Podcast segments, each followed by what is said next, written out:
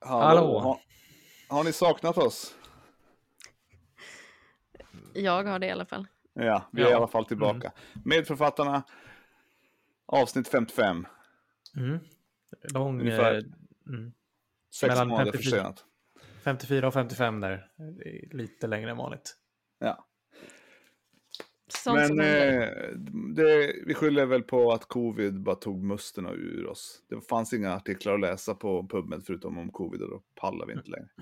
Men nu börjar det komma nytt. Precis, Nytt och fräscht. Så nu kör vi igen. det gör vi.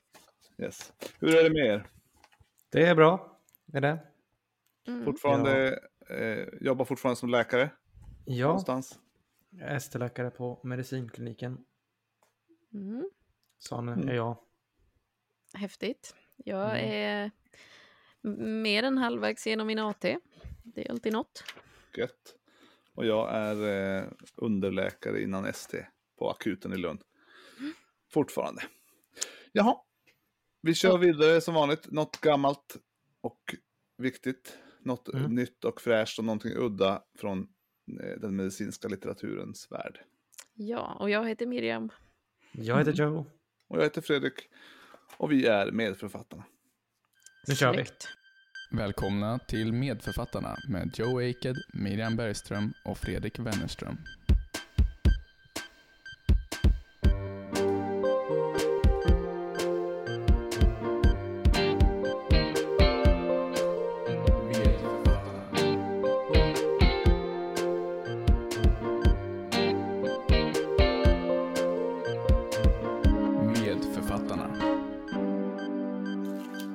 Men då eh, kör vi igång med något eh, gammalt tycker jag.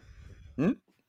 Eh, och eh, jag tänkte att om man nu ska göra en comeback så får man väl gå back to basics med något riktigt klassiskt. Så. Mm. Eh, och eh, det, en av de mest klassiska är ju insulinupptäckten av Frederick Banting. Det tycker jag ändå man har hört om. Mm. Mm. Var det inte någon dansk som kom på incidentet? Han var eh, kanadensare. Du har gått på någon slags dansk propaganda här, Fredrik. Var det inte, var det inte Novo Nordisk-grundaren som kom på insulin? Eller, eller kom hittade insulin? Nej. Du, du har gått på för många läkemedelsluncher. det finns också andra insulinföretag. Alltså, jag har bara ett. Mm. Nej, men ehm, jag tänkte dra eh, lite av eh, storyn bakom. Mm. Och eh, det gör jag med... eh, Jag har faktiskt inte hittat någon originalartikel av Fredrik Banting utan jag får gå tillbaks eh, i alla fall till eh, källa Wikipedia. och eh, sen eh, hittar jag en liten ehm, fin ihopskrivning av eh, Xiang Yon Tan, en artikel om, hon, om eh, Fredrik Bantings liv som publicerades eh, 2017. Mhm. Och sen hittar det finns lite fina såna här eh, eh, 40-talsartiklar också som liksom hedrar honom, men de var inte riktigt lika precisa, så jag, jag väljer den här. Vadå, hur gammalt är det här? Ja, vad mm, har ni för hum? Jag tänkte ju att det här var en eh, tidig 1900-talsgrej, men det låter ju som att det är äldre då. Nej, jag tänkte också. Alltså, 1910. Mm. Ja. Ja. Nej, efter första världskriget. men precis. Efter Eh. första världskriget, då hade man tid att tänka på sånt. Ja, för gla, det Fredrik... glada 20-talet. Faktiskt. Eh, Fredrik Banting han föddes 1891 eh, och i to- Ontario, eh, Kanada. Och Mm. eh, läste medicin i Toronto, men sen kom ju då första världskriget där han eh, ryckte in och var någon sorts eh, läkarsoldat. Eh, han var inte, jag tror han fortfarande var student då, men han fick rycka in och fick någon medalj för tapperhet och sen kom han tillbaka då och avslutade sina studier. Eh, och eh, vet ni vad han sysslade med? Vad, vad hans specialitet var initialt? Ortoped. Han var ortoped. Det tyckte jag det var det mest förvånande jag läst. Alltså för att vara dansk-inspirerad så är jag väldigt mycket rätt nu känner jag. Så kanske är så att jag faktiskt också har rätt om det här med dansk insulin. Vi får kolla upp det. Ja, jag har inte hittat något eh, i min Wikipedia-artikel. Men eh, det gick inte jättebra det här med ortopedin för honom, så att han började starta en eh, private practice och eh, föreläste också på ett universitet om fysiologi. Och då, det var då han började snöa in på pankreas. Han hade egentligen ingen eh, vetenskapsskolning så, inte gjort så mycket experiment, men eh, så började han eh, läsa mycket om vad som hade gjorts dittills om eh, diabetes och pankreas. Och Mm. kring, det här var kring 1920 och då hade man kommit ungefär så långt att man visste att det fanns de här eh, Langerhanska öarna. Mm. Eh, de hade man sett, de hade Langerhans hittat. Man visste att diabetes eh, berod, alltså, hade något att göra med eh, pankreas för att om den då blev skadad på något eh, sätt eller man opererar bort den på hundar så utvecklar ju de eh, diabetes Mm. så småningom. Men diabetes var ju fortfarande en fruktansvärd sjukdom som liksom drabbade unga barn och det fanns inget botemedel utan de dog liksom inom kort. Eh, och även eh, Banting, han s- hade en eh, barndomsvän, en eh, tjej som, nu minns jag inte hennes namn, men hon eh, eh, dog i 14 års ålder av just diabetes. Då. Så kan ha varit en liten motivator där. Eh, Mm. Men det, det var ju liksom, man hade också kommit så långt att man hade hypotesen att det måste finnas något ämne i de här Langerhanska öarna som har att göra med glukosmetabolismen. För man hade ju också liksom bra förståelse av kolhydratsmetabolismen och att eh, eh, det blev för mycket glukos i blodet helt enkelt och det var det som eh, gav de här symptomen som till sist ledde till döden med viktnedgång och eh, kraftig törst framför allt. Ehm, men eh, det, han, det som liksom kickade igång eh, Banting var att han läste en artikel där man hade beskrivit att eh, ja, dels var det några som hade försökt att bara mala ner en hel djurpankreas och eh, behandla diabetiska hundar med det, men det hade inte lyckats så bra. Men då läste Banting en annan artikel som hade visat om man ligerade av eh, pankreasgången så att det inte kom ut någonting där så gick ju hela eh, exokrina pankreas, alltså det som producerar pankreassaft, eh, amylas, tryptas Mm. i, i nekros. Men inte de här eh, Langerhansöarna då. Så då eh, hade han, det finns beskrivet i flera källor här, att han vaknade mitt i natten och liksom skrev eh, så här legera pankreasgång, eh, ta tillvara Langerhansöar eh, och använd som diabetesläkemedel i princip. Hur gav man det då? Vet du det till hundarna? Gav man det i blodet eller i maten?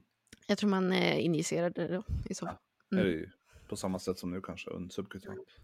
Men, så då, men det här var ju bara en idé, så att han gick till eh, eh, professor MacLeod som hade ett fint labb och sa snälla, snälla, jag har en jättebra idé här, kan jag få göra det? Men MacLeod som tyckte ju, vad är det här för snubbe? Han är väl, vad kan han vara? Han var inte ens 30 och som aldrig har forskat som säger att jag tror jättemycket på det här. Eh, men när, han frå- när eh, Fredrik Banting frågade tredje gången så sa han ja, ja, du kan få låna mitt labb när jag åker bort till Skottland på semester här över sommaren. Eh, och då fick han också hjälp av eh, en eh, läkarstudent som hette Best, var det Charles Best kanske till och med? Eh, och de höll på med det här en hel sommar och kunde faktiskt eh, visa då att om man malde ner, liksom fick fram bara Langerhansöar från de här hundarna där man hade legerat av pankreas. Man fick ju vänta fyra, sex veckor efter man hade legerat av den för att eh, resten av pankreas Mm. skulle försvinna så pass att det bara var de kvar. För att, eh, tanken var ju där att om, om man liksom tar hela pankreas Mm. och försöker ge den, då kommer ju de här eh, proteaserna att eh, bryta ner ner även allt. ja, bryta Ja, ner allting så det blir inget aktivt kvar. Liksom. Mm. Eh, Men eh, Smart. hundarna fick lida under... under... De ja. levde antar jag. ja, men precis. Det Men de fick Det- bara en knallpankratit eller? måste de fyra veckor. Precis. Ja. Alltså, det, kom ju, det var ju för att efterlikna typ en gallstenspankreatit, att man hade Mm. stängt av. Mm. Mm. Det var så de fick idén eh, från början, de här första forskarna. Men eh, eh, då hade de lyckats, efter att de eh, injicerat det där i en hund, så hade de sett att eh, blodsockret normaliserades, så hunden som hade varit nästan i eh, en diabeteshund och hade Mm. eh, varit på väg in i koma och sen liksom, ja, ställt sig upp och viftat på svansen i princip. Så det var ju, Mm. då visste de att de var något på spåren. Eh, sen, eh, och då blev ju han, MacLeod, lite mer eh, Eh, igång på den här idén då. Eh, men tyckte väl att det, det skulle behöva gå att göra i större skala. Eh, och då kom eh, Benting på här att eh, han hade ju vuxit upp på en bondgård så han visste ju att eh, man gör sig av med eh, kalvfoster i väldigt stor utsträckning ibland inom eh, bondindustrin och han tänkte att eh, och man hade visat tidigare att yngre djur har, och människor har ju mycket fler eh, Langerhanska-öar i förhållande till resten av pankreas. Så då tog han eh, fram en metod att eh, eh, vad heter det? Purifiera. Skörda. Ja, precis. och eh, ja. Mm. skörda och framställa även från eh, kor och eh, grisar och eh, kunde reproducera de här resultaten. Mm. Och det var ju väldigt, eh, väldigt eh, omfattande. Den första som eh, behandlades med det här var en 14-åring. Eh, Dansk. Nej, kanadensisk pojke som 11 januari 1922 fick första insulinbehandlingen. Mm. Eh, och sen tog det ju eh, lite tid då att försöka få igång det här i större skala, men det var ju en, fanns ju ett otroligt intresse och motivation för det här, så att redan 1923 så fick eh, Banting och hans professor MacLeod eh, Nobelpris för Oj. den här upptäckten. Så det gör Hur honom... många enheter eh, insulin fick pojken? Vet du det? Beskriver de det? Nej, det gör de inte här. Det, är ganska, det brukar vara ganska svårt, tycker jag, att veta så här, när man inte är en ny patient. Hur mycket ska man ge? ja. Och det är alltid lite så här, ah, vad ska jag ge? Tänkte första gången hur svårt det ska vara. ja. Precis. Nej, men och de hade ju inte sekvenserat själva insulinmolekylen, så det var nog svårt att säga exakt hur mycket det var. Liksom. Jag antar att de tog så en, en dos, Mm. en spruta av oklar mängd. Det är därifrån vi har en, det är det enheten. Ja, det är kalvfoster. Ja, antal kalvfoster är, är, är det som enheten står för idag. Ja. Men, men Nej. så att, eh, han var fa- är faktiskt den, om det inte har hänt något revolutionerande senaste året, tror jag inte, så är han den yngsta personen någonsin som i 32 års ålder fick ett eh, Nobelpris. Så man behöver Jag ska säga, det finns väl eh, ganska många i nutid som har fått det. va? Fast inte i medicin. Nej, alltså jag tror det var, vi ska Har inte. Malala fått fredspris? Malala fick Ja, ju fredspris. men det, är- det är ett riktigt pris. Nej, Okej, han är den yngsta som någonsin fått ett riktigt Riktigt. Nobelpris. Ja, men det kanske var medicin då. Men eh, ändå, Ja. om man inte har åldersnoja så var han alltså 32 när han fick Nobelpris i medicin.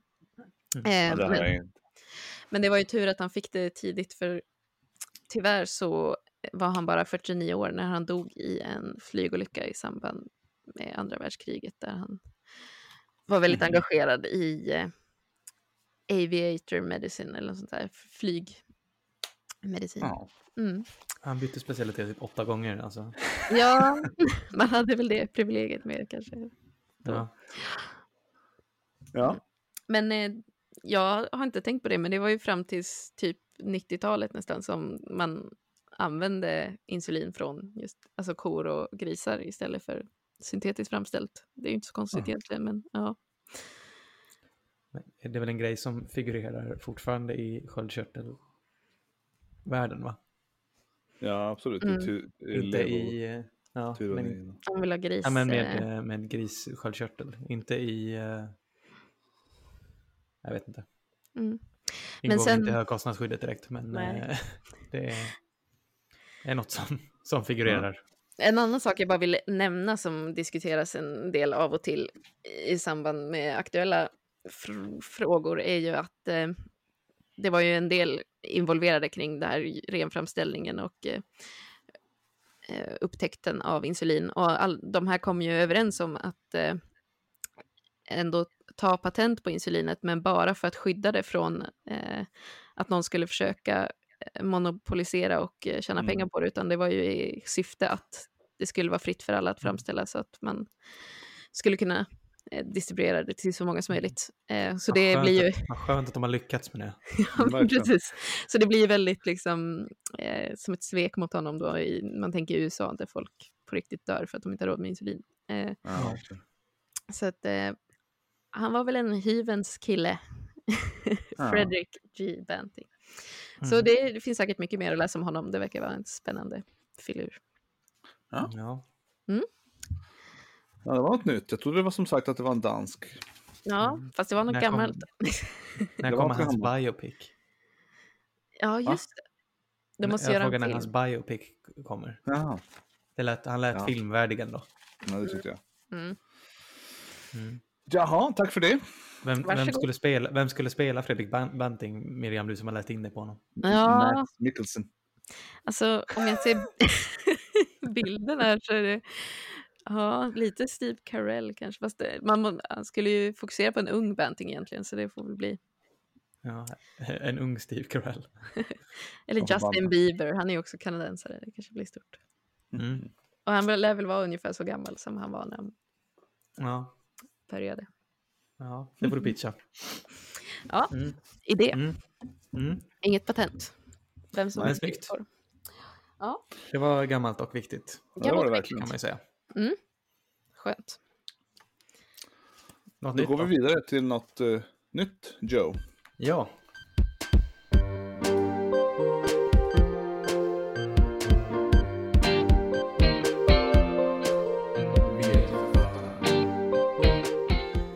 Ja, eh, jag ska prata om någonting nytt och fräscht.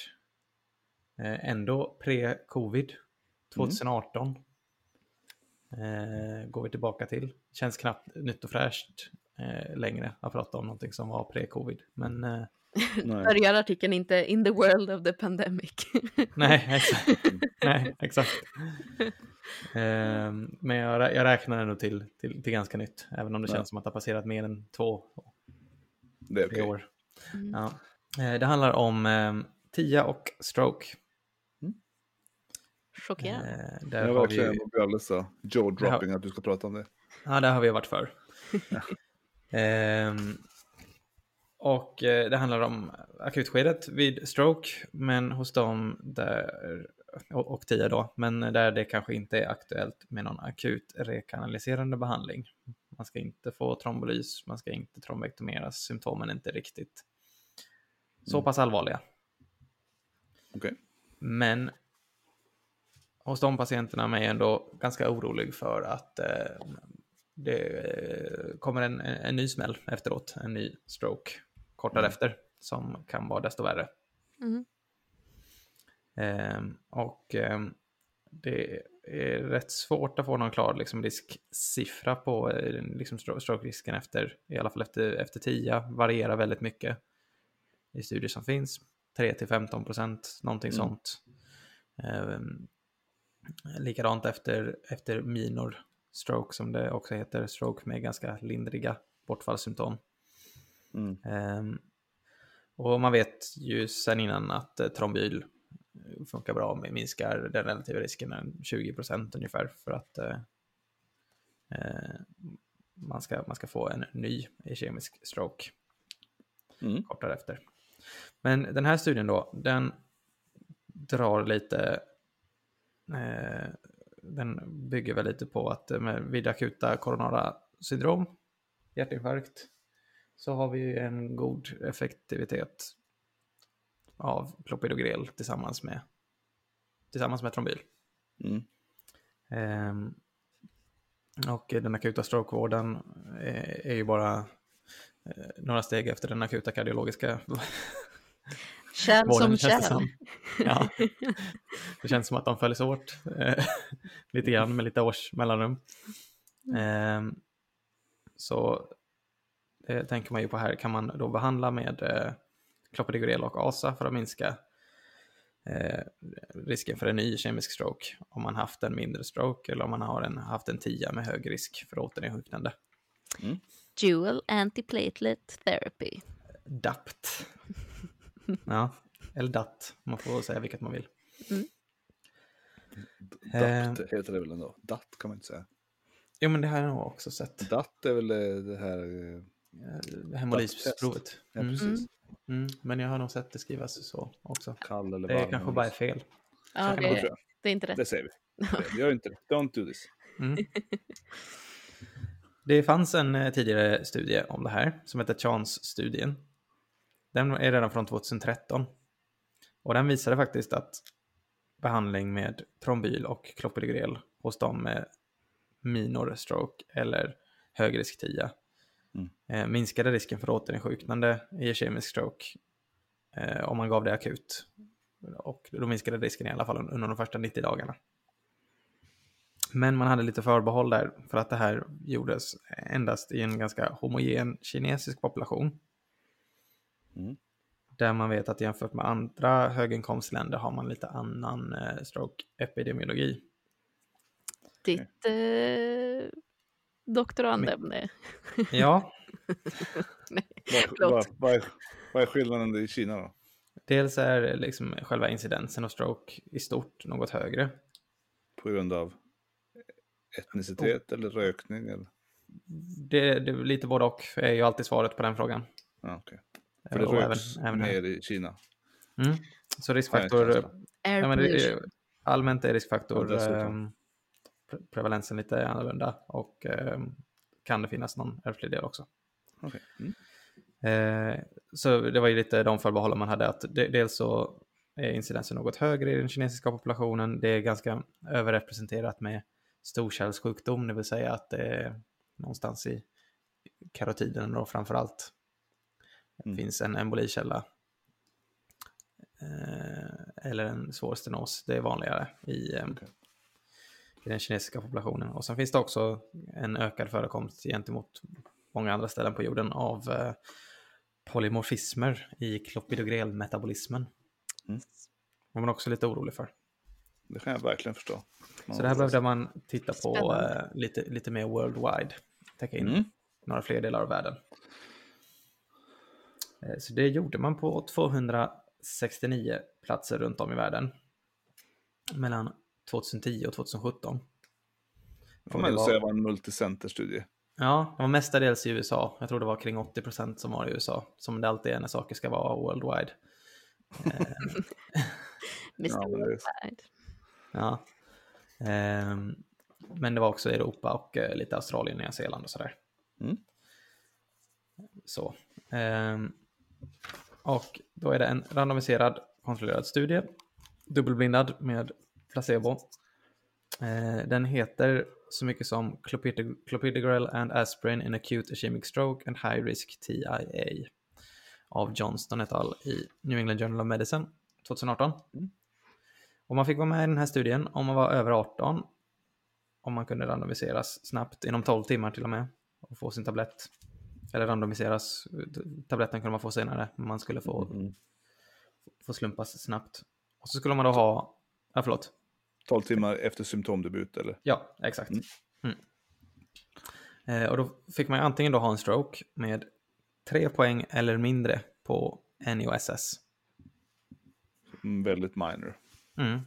Eller kanske är definitionen för minor. Ja, vad kan man till exempel ha då? Man kan ju ändå vara lindrigt eh, svag i ena sidan. Man har svårt att hålla uppe benet, du håller uppe det men det sjunker inom fem sekunder. Mm. Då får Ja, då får du- en eller två poäng. En eller två, ja. ja. Så, ja, det är väl på den nivån. Ja, det ska vara små saker. Mm. Men Mm. för lite för att man skulle vilja trombolysera antagligen, eller? Exakt. Det är ju så man tänker. Mm. Eller trombektomera. Så eh, då fick man vara med. Eh, tre eller mindre på NUSS, så lindrig stroke. Eller om man hade en högrisk TIA. Och det baserades på en riskvärdering för TIA som heter ABCD2. Okej. Då får man poäng om man är över 60 år. A. Age. Eh, Man får poäng om ens initiala blodtryck är över 140 genom 90. Mhm. Alla som kommer in typ. Ja, typ. Eh, Man får poäng om på lite på C1 då är kliniska parametrar. Och där får man mer poäng då om två poäng får man om man har ensidig svaghet. Om man bara har en talstörning får man bara ett poäng. Allt annat får man noll för. Vad var två poäng? Ensi- om man är svag, en, svag Ja. ensida. Mm. Det är på något sätt eh, högre risk då för att man ska återinsjukna om Okej. TIA-symptomet är ensidig svaghet. Okej. Ehm, och eh, så får man också poäng för hur länge symptomen satt i. Eh, mest poäng får man då om det är över en timme. Då får man två poäng på den här skalan. Okej. Och, Det- det, och det har en tvåa på sig. Så det finns ett D till. Och det är om man har diabetes. Mhm. Och har man ö- fyra poäng eller mer på det så har man en hög risk 10. Mm. Och då var man också med i den här studien. Och så skulle man såklart ha gått igenom en, en CT för att visa att det inte är en blödning eller någonting annat. Okej, Men en vän av ordning då undrar Mm. ju om, om du kommer in. En tia är ju per definition en, eh, de här symptomen försvinner inom 24 timmar. Annars är det ju en Mm. stroke. Mm. Eh, Om du kommer in inom 12 timmar och de inte har försvunnit. Mm. Hur vet man vilket av dem det är? Mm. Tog man reda på det sen så att säga? Eller? Jag vet inte. Nej, okej. Jag, fa- jag, jag, jag, nej men, eh, jag tänkte exakt samma sak. Jag vet att jag frågade Miriam samma sak häromdagen, men Ja. jag fattar fortfarande inte riktigt hur man... eh, Man kunde ju Men- komma in efter sex timmar och det har ja, försvunnit. Har man kommit in och det har försvunnit så är det ju en grej. Men det Ja. definitivt. För det känns ju som att det är så vi sätter eh, oftast Alltså TIA-diagnosen på akuten är ju så här, ja det var så och nu har det gått Då över. det gått Och annars så kommer ja. man ju som ett rädda hjärnan-larm och då är det, ja, jag vet inte. Ja, då är det ju rädda hjärnan. Mm. Mm. Okej. Ja, ja. Så, så jag misstänker att det varit så. Men nu var det i alla fall båda delar, höll jag på att säga. Mm, okej. Eh, så. Eh, och man fick inte vara med ti- TIA, eller strokes, eller TIA förlåt, som eh, bara var, ehm, bara rörde sensoriken. Att man bara hade en känselbortfall, om man bara hade ett synbortfall eller om man bara hade yrsel. Fick man inte, heller, fick man inte vara med. Okej. Eh, vet inte hur man tänker där, om det skulle vara någonting som var lite lättare att objektivt påvisa. Mm. Kanske. Och så fick man då inte, man fick ju såklart inte heller ha indikation för antikoagulantia behandling. Utan då ska man ju behandlas med det istället. Mm. Det. Eh, så. Och inte trombolys. Typ förmaksflimmer eller Ja, har man förmaksflimmer då ska du, ja, men då ska du ha eh, Noac istället. Novak. ja. Mm. Ja. Okej. Så. Och då randomiserades man till... Trombyl fick man ju i vilket fall som helst. Mellan 50 och 325 milligram per dag. Eh, och det fick läkarna välja själva. Jag har förstått att det varierar lite grann. Ibland när man tittar i amerikansk litteratur så har de jättekonstiga trombyl eh, doser. Okej. Ehm, så 81 tror jag liksom är deras vanliga. Den Alltså är- 81, 81 milligram. Det är väl någon ounce eller? Ja, det, ja. men eh, nå- däremellan fick det vara. Eh, och då randomiserades man antingen till clopidogrel, eh, först laddningsdos, eh, 600 milligram och en hög dos. Mm. Och sen 75 eh, milligram dagligen i 90 dagar fick man behandling. Med dubbeltrombocytämning. Det är långt. Och sen fortsatte man med bara trombyl. Ja, men man tittade ju, man följde upp det här efter 90 dagar. Samma. Så då, då var det ändå färdig, Okej. färdigstuderat. Så då fick man inte ha läkemedel längre. Nej. Och då tittar man efter 90 dagar på en sammanslagen, ett sammanslaget utfallsmått som var, fick man en ny kemisk stroke, fick man en hjärtinfarkt eller dog man på grund av eh, kemisk kärlsjukdom av något slag. Mm. Slår, man, slår man ihop det till en sån här vacker komposit, kompositmått. Som vi inte gillar. Mm. Lite så. Har jag för mig att vi pratade om i förra avsnittet. Det var ett Mm, halvår mm. sedan. Mm. Ja, strångt att du kommer ihåg det. Nej, jag kommer inte. Alltså jag har ett svagt Mm. minne. Och så var man ju såklart intresserad också vad gäller säkerheten om hur många får egentligen signifikanta blödningar. Mm. Och då har man en, en definition här på signifikant blödning som är såklart om man får en symptomgivande intrakraniell blödning. Eh, om man får en blödning i ögat med synbortfall. Mm. Om man behöver två eller fler enheter blod eh, som transfusion. Eller om man behöver läggas in igen för att man blöder. Eller om vårdtiden förlängs för att man blöder. Mm. Eller om man dör på grund av en blödning. Det var de definitionerna man hade. Förlängd vårdtid på på grund av blödning tyckte jag var lurig. Mm. Men eh, det känns ju som att det kan, ja. Svårt att rapportera. Du hade fått gå hem nu om du inte blödde så mycket. Ja. Ja, ja, men precis. Det, ja. Lite skumt. Ja, ja. Ja, skitsamma. Mm. Till slut så randomiserades ungefär 2500 patienter till vardera behandlingsarm. Trombyl och trombyl plus klopidogrel. Så 4 000 pers. Ja, 5000 tot. Ja. Mm. Typ. Strax under.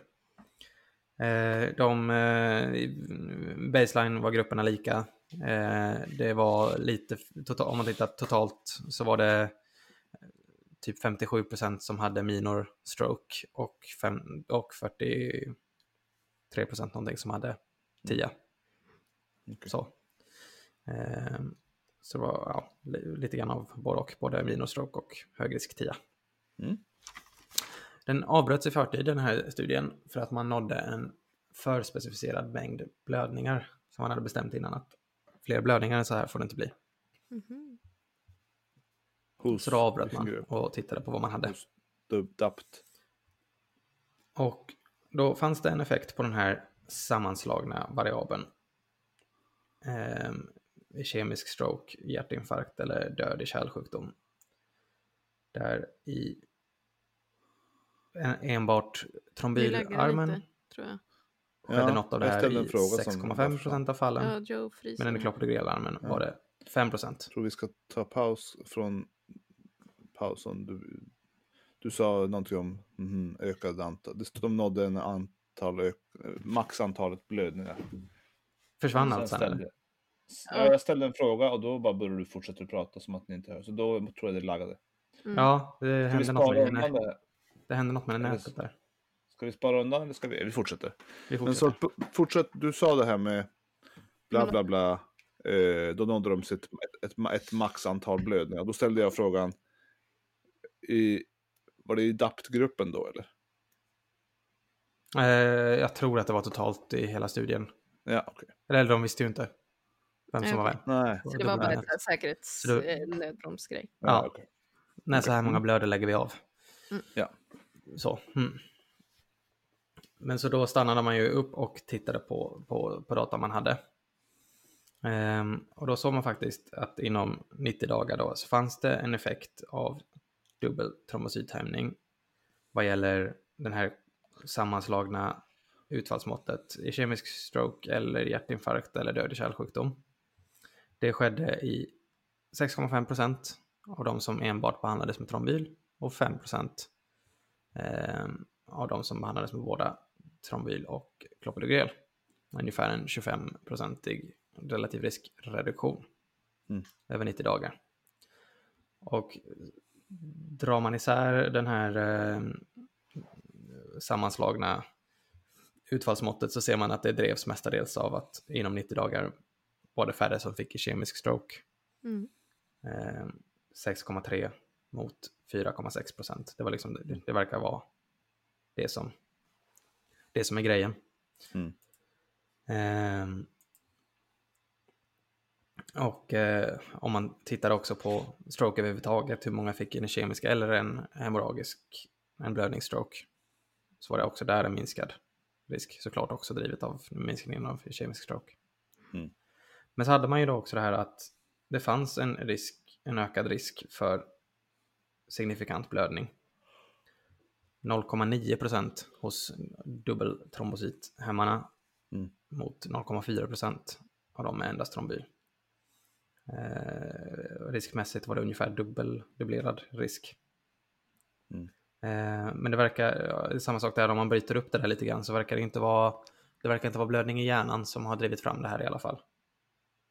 Utan, Tarmen eller vad är det då? Magen?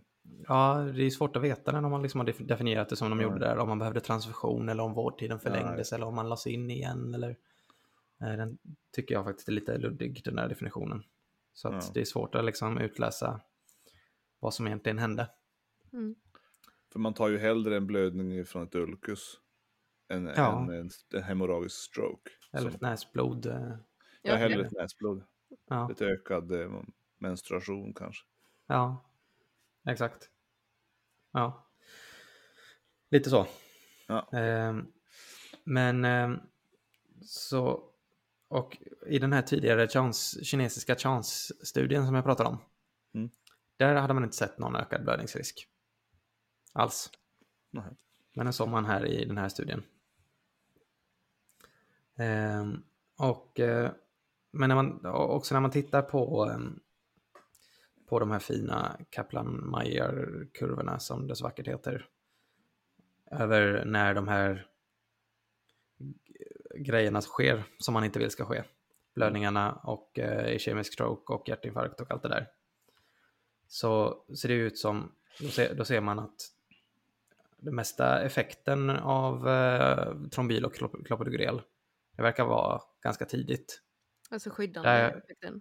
Ja, där går liksom kurvorna isär för de här två grupperna. För att sen mot slutet se ganska så likadana ut. Då ligger de på samma avstånd från varandra. Okej. Om ni förstår vad jag menar. Ja. Ehm, Den här, liksom, om man tittar istället på blödningarna och tittar på, på de här två linjerna. Så är det ju högre då i de som fick dubbel trombocythämning, men det ligger ganska jämnt över hela de här 90 dagarna man har tittat på. Eh, Så då har vi liksom, vi har en effekt för att förhindra kemi. Den verkar mest funka i början. Vi har en bieffekt som är att man kan råka blöda och den, den, är liksom, den, Konstant. Men den, den finns där under hela 90 dagarna. just det. Ehm, Så varför ska man behandla i 90 dagar? Vad sa du? Så varför ska man behandla i 90 dagar? Det ska man inte, Nej, just det. helt enkelt. Efter den här Eh. studien. Ja, lite, både på den här och Chance-studien Ja. Eh, så har man kommit fram till det. Om man tittar i guidelines från American Heart Association 2018, så på mestadels de här studierna så är det en klass 1-rekommendation med evidensgrad A. Oj. Det är fint att se. Mm. Att eh, patienter med eh, kemisk stroke, som då inte är på grund av propp från hjärtat och med NUSS mindre än 3, och där man inte får eh, trombolys eller trombektomi, eh, så eh, ska man ge ASA och Clopidogrel i 21 dagar med start inom 24 timmar för att minska återinsjuknande i kemisk stroke. Okej. Och då räknar man med att den där återinsjuknande risken, eller då, då har man behandlat så att man minskar återinsjuknande risken inom 90 dagar. Har man sagt också. Mm. Med bara 21 dagars behandling, om ni förstår vad jag menar. Ja. För det var där man jag hade tänker, effekten. Jag tänker hur länge, för den effekten kan ju inte sitta i hur länge som helst. Nej, Sen fortsätter Men, man eh, med trombyl, men skulle man kanske köra stötbehandling med clopidogrel? Var... men både med stroke och, och, och TIA så är det ju så att eller, återinsjuknande risken är ju störst i början. Mm. Varför är det så? Då? Ja, Det är så. Oklart om, det kanske, om man kan tänka sig att någonting är lite instabilt. Om man kan tänka någon slags, Ja. om man ska tänka som en kardiolog igen, om det är någon lite instabil angina eh, tanke man kan ha med en tia. Det kan vara något plack som är i dåligt skick. Ja, det är lite inflammation någonstans som håller på. något, något, ja. så, Ja. så kanske man kan tänka. Men eh, så är det i alla fall, att äh, återinsjuknande risken är, är störst i början. Okej, Ehm, Okej, så 21 dagar DAPT efter en eh, symptomgivande, vad kallar vi det för? En allvarlig Lindrig. TIA? Eller ja, en allvarlig stroke. tia eller en lindrig stroke. Okej, eh, minskar risken för att man ska, man ska få en ny eh, därefter. Och 10 till 21 dagar säger man i British Medical Journal att man kan till och med kan tänka sig korta ner det. Men då är det också en stark rekommendation. Det har gjorts en massa metaanalyser efter det här också och så vidare. Men då ger man första dosen inom ett dygn eller något. Ja, Mm. är en fråga där om någon kommer till akuten och så har du liksom kommit fram till att jo men det är det här som har hänt. Mm. Mm. Eh, det är inte alltid på akuten, alltså säga att det är första gångs stroke att man vet om någon har förmaksflimmer eller inte. Nej. Utan du har tagit ditt EKG på akuten, du har kollat lite och så bara, nej, verkar inte vara just nu. Men du har inte gjort Mm. din u- långtidsutredning så att säga. Nej. Men då börjar man ändå med det här och, och sen om det skulle visa sig att de har eh, Så tänker jag i alla fall. behov så får man ta det då. Mm. Ja, det är väl enda rimliga egentligen när jag säger det högt. Mm. Ja, men så, så måste det ju, så måste det, det vet jag inte om det var kommenterat där, men så måste det ha varit i den här studien att folk har uteslutits så småningom för att man har hittat eh, inom de här 90 dagarna en, eh, en antikoagulantia indikation. Tänker jag. Yes. Okej. Mm. Ja, Mm. men det där var Intressant. något nytt. Jag är inte så, är inte så säker på att det här eh, följs ännu, eller? Så slaviskt. Jag eh, tycker också det är svårt. Man ska prata med sin bästa neurologkompis. Mm. Eh, tycker ju jag, för det har nog kommit en del eh, efteråt också och det är ju ganska nytt och eh, implementeras säkert olika baserat på en massa saker som jag inte vet. Nej, precis. Men den här studien eh, tyder på detta, så då får man väl höra vilka som tyder på något annat. Ja, Om man pratar Eh. med sin favoritneurolog. Ja Spännande. Tack för det. det var det hela. Då går vi vidare till någonting lite mer lättsamt. Mm. Kul. Ja. Kul.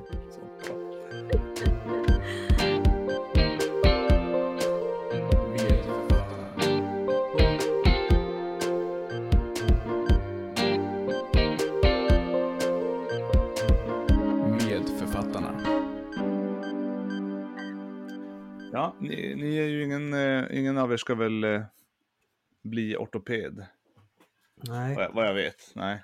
Eller? Miriam, Nej, du ska bli kirurg, eller? Vi- får väl se, men jag har haft min eh, ortopedi-rotation och det var, det var väl trevligt, men det är inte det jag ska göra. Det Rätt. är inte huvudfokus. Nej, för det, men det tar ju tid att lära sig att bli ortoped. Mm. Mm. Ehm, ändå. Det, först, ska man ju först, först ska man glömma allt man kan om internmedicin och sen är det ju Mm. Många procedurer som ska nötas in.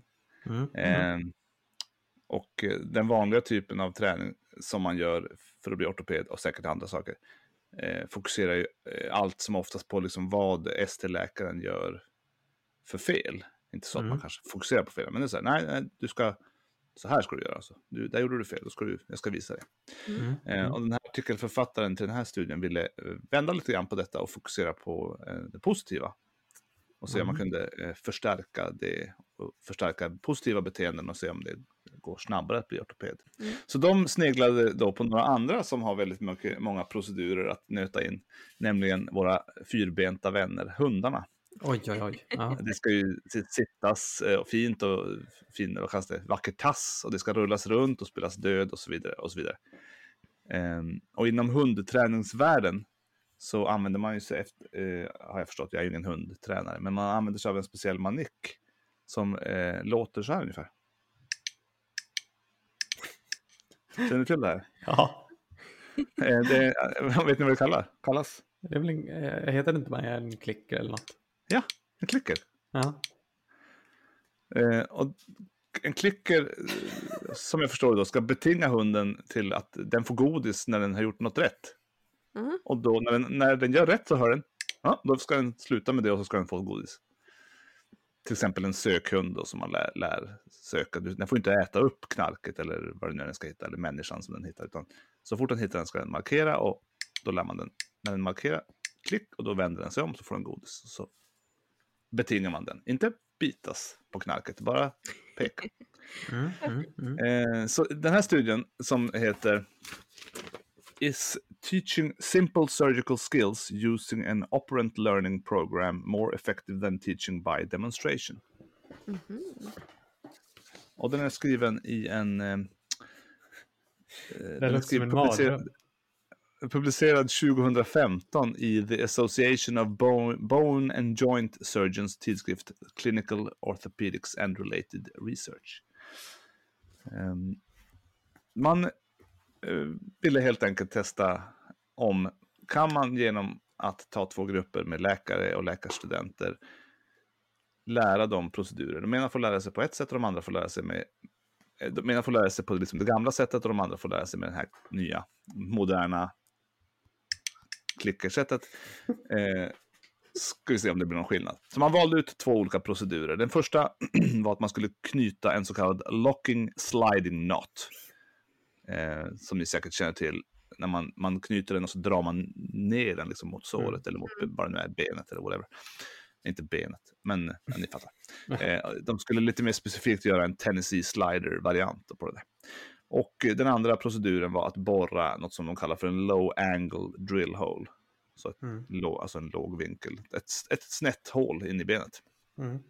Två säkert vanliga ortopediska procedurer, vad vet jag. Man valde ut eh, personer från två grupper. De, I varje grupp ingick det två stycken, nej, förlåt, sex stycken ST-läkare, en till två år in på utbildningen och eh, sex stycken första och andra års medicinkandidater. Och i kontrollgruppen så var det samma eh, setup. Där står det dock också att de ska vara icke-ortopediska ST-läkare. Så i den första gruppen står det inte uttryckligen vad de skulle vara, så jag antar jag att det kunde vara blandat. Mm. De skulle vara icke-ortopediska kirurg ST-läkare i andra. Mm. De var tvungna att säga att det här, att det inte bara är eh, ortopeder som, eh, Kan liknas vid. som kan betingas som undrar. Eller? Nej, fast i, i, ja, jag vet inte. Det var ju i, i kontrollgruppen. Kontrollgruppen fick då köra den gamla metoden. Vi kommer in på det. Ja, Eh, ja. Eh, Utan att, gå in på, utan att i detalj gå in på hur man gör en sån här locking sliding knot av Tennessee slider-variant. För det är jag helt säker på att både du, ni två och alla andra lyssnare har stenkoll på. Så kan jag säga att eh, klickergruppen eh, gick till så att de fick det demonstrerat för sig först av en person, en och en, Mm. Mm. eh, steg för steg. Och sen fick de genomföra varje steg fem gånger. Om de gjorde, det var sex steg i varje sån slider, Tennessee slider knop. Gjorde de rätt så hörde de ett klick och sen gjorde de det vidare fem gånger. Sen så gjorde de hela proceduren, hela knuten fem gånger och för varje rätt så fick de då ett klick. Sen fick de för 15 minuter egen träning och därefter var de klara. Kontrollgruppen fick motsvarande eh, en och en demonstrationer. De fick två demonstrationer där man steg för steg visade hur knopen skulle göras.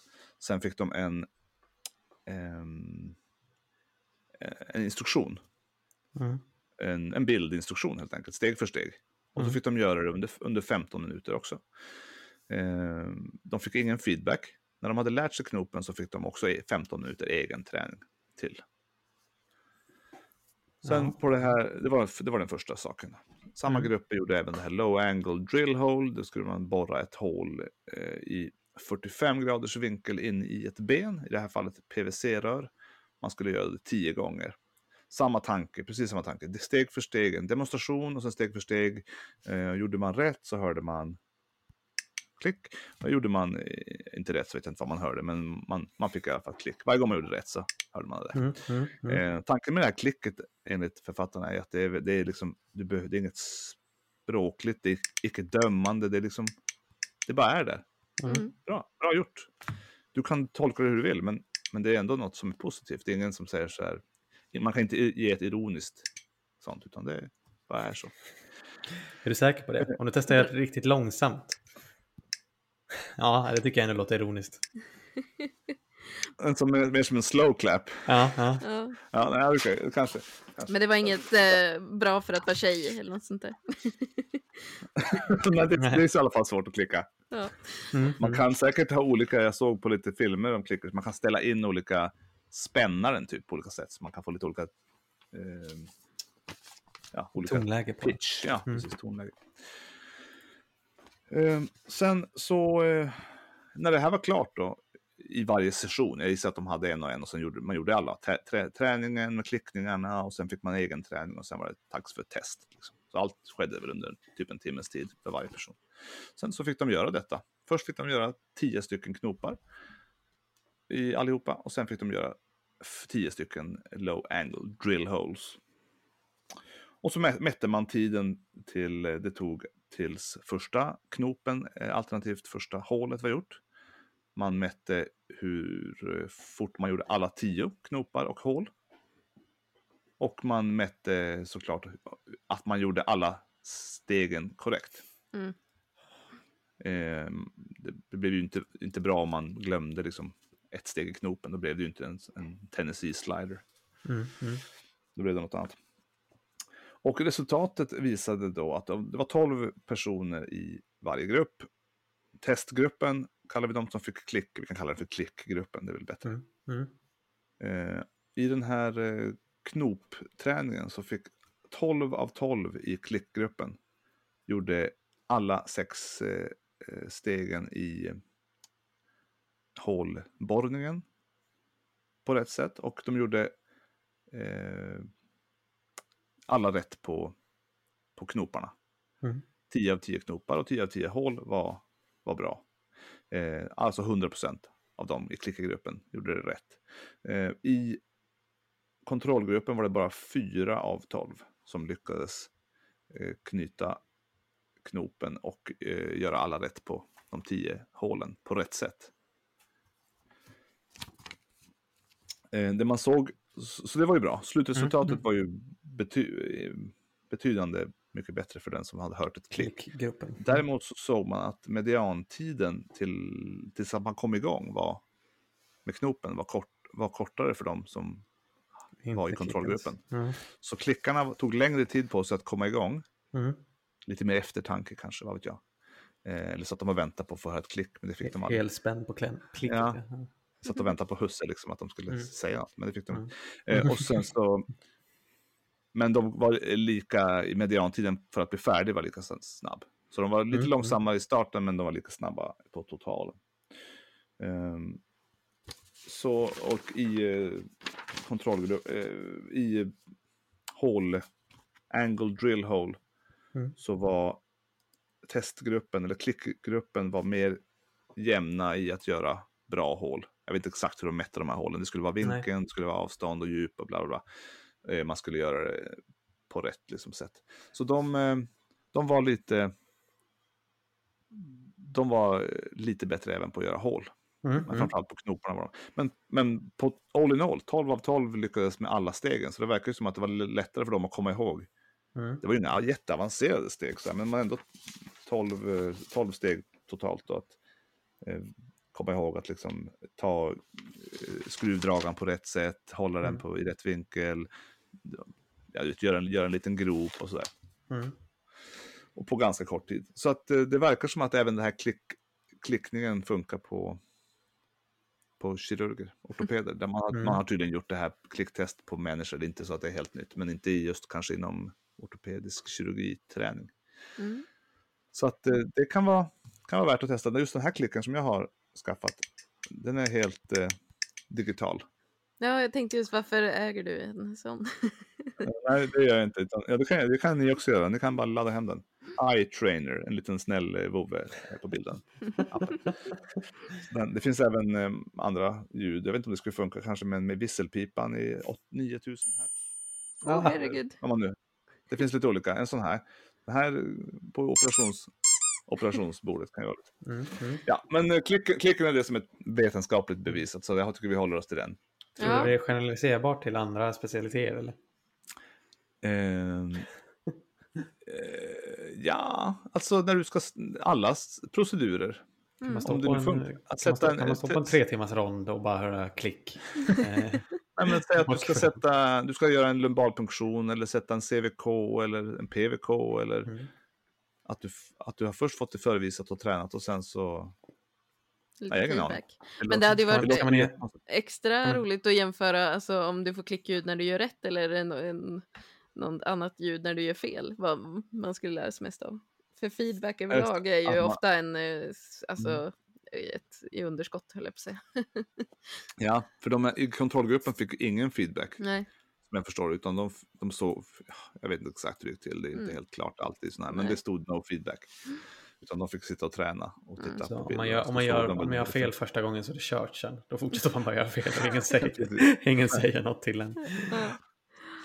Ja. Så den här, oj, den här studien vann Ig Nobelpriset eh, i fjol tror jag. Ja. Mm. I eh, medical behavior, eller det finns någon, inte, inte medical, inte medicine utan något annat. Men vi har väl alla läkarstudenter eller någon att handleda? Ja, ibland. Ja, eh, visst. just nu. Har, ni Hela med, har du med dig Ja, klickor? Ja, nu har jag ju skaffat den så att nu kommer jag ju använda den ganska Mm, frekvent. mm. Eh, Så, ja. eller den där kanske, vi får se. Jag har inte Ja. bestämt mig. Ja. Nej, vi har börjat få lite nu äntligen, eh, eller äntligen, äntligen, det är ju trevligt med kandidater. Vi har börjat, det har varit lite dött för att covid har ju ställt till det, men nu börjar det komma lite nya Mm, mm. kandisar till akuten också. T6 har varit borta ett tag, men nu kommer de. Ja, de har väl varit hos oss. Som ett vårtecken. Ja, men faktiskt, det, det är ändå Mm. lite fint. Det har också kommit väldigt mycket patienter, så det känns som att nu, eh, så fort det inte pratas om covid i media, då bara kommer de. Boff. Ja. Även de, de som är sjuka kommer ju oavsett, men de som är lite så här Mm. Mm. halvsjuka kom- kommer i större antal. Mm. Ja, men det är, det är fint. Så är det. Men, men eh, våren är snart här och covid är snart borta och jag är vaccinerad. Är ni vaccinerade nu också? Ja. Gånger två? Nej. Jag är gånger Nej. två. Jag är full Ja. immuniserad faktiskt. Jag, jag, är, jag är Astra Gang. Mm-mm. Ja, men det är ändå två doser va? Ja, men det är ju 12 veckor emellan. 12 veckor? Mm. Ja. ja. Men eh, då är det i alla fall till sommaren när du Ja. fit for fight. ja. Mm. Ja, men eh, tror ni vi kommer hålla i det här och fortsätta podda eller är, det- är det slut nu? Är det här sista dödsrycket eller vad? vad Nu, kör, nu kör vi, känner jag.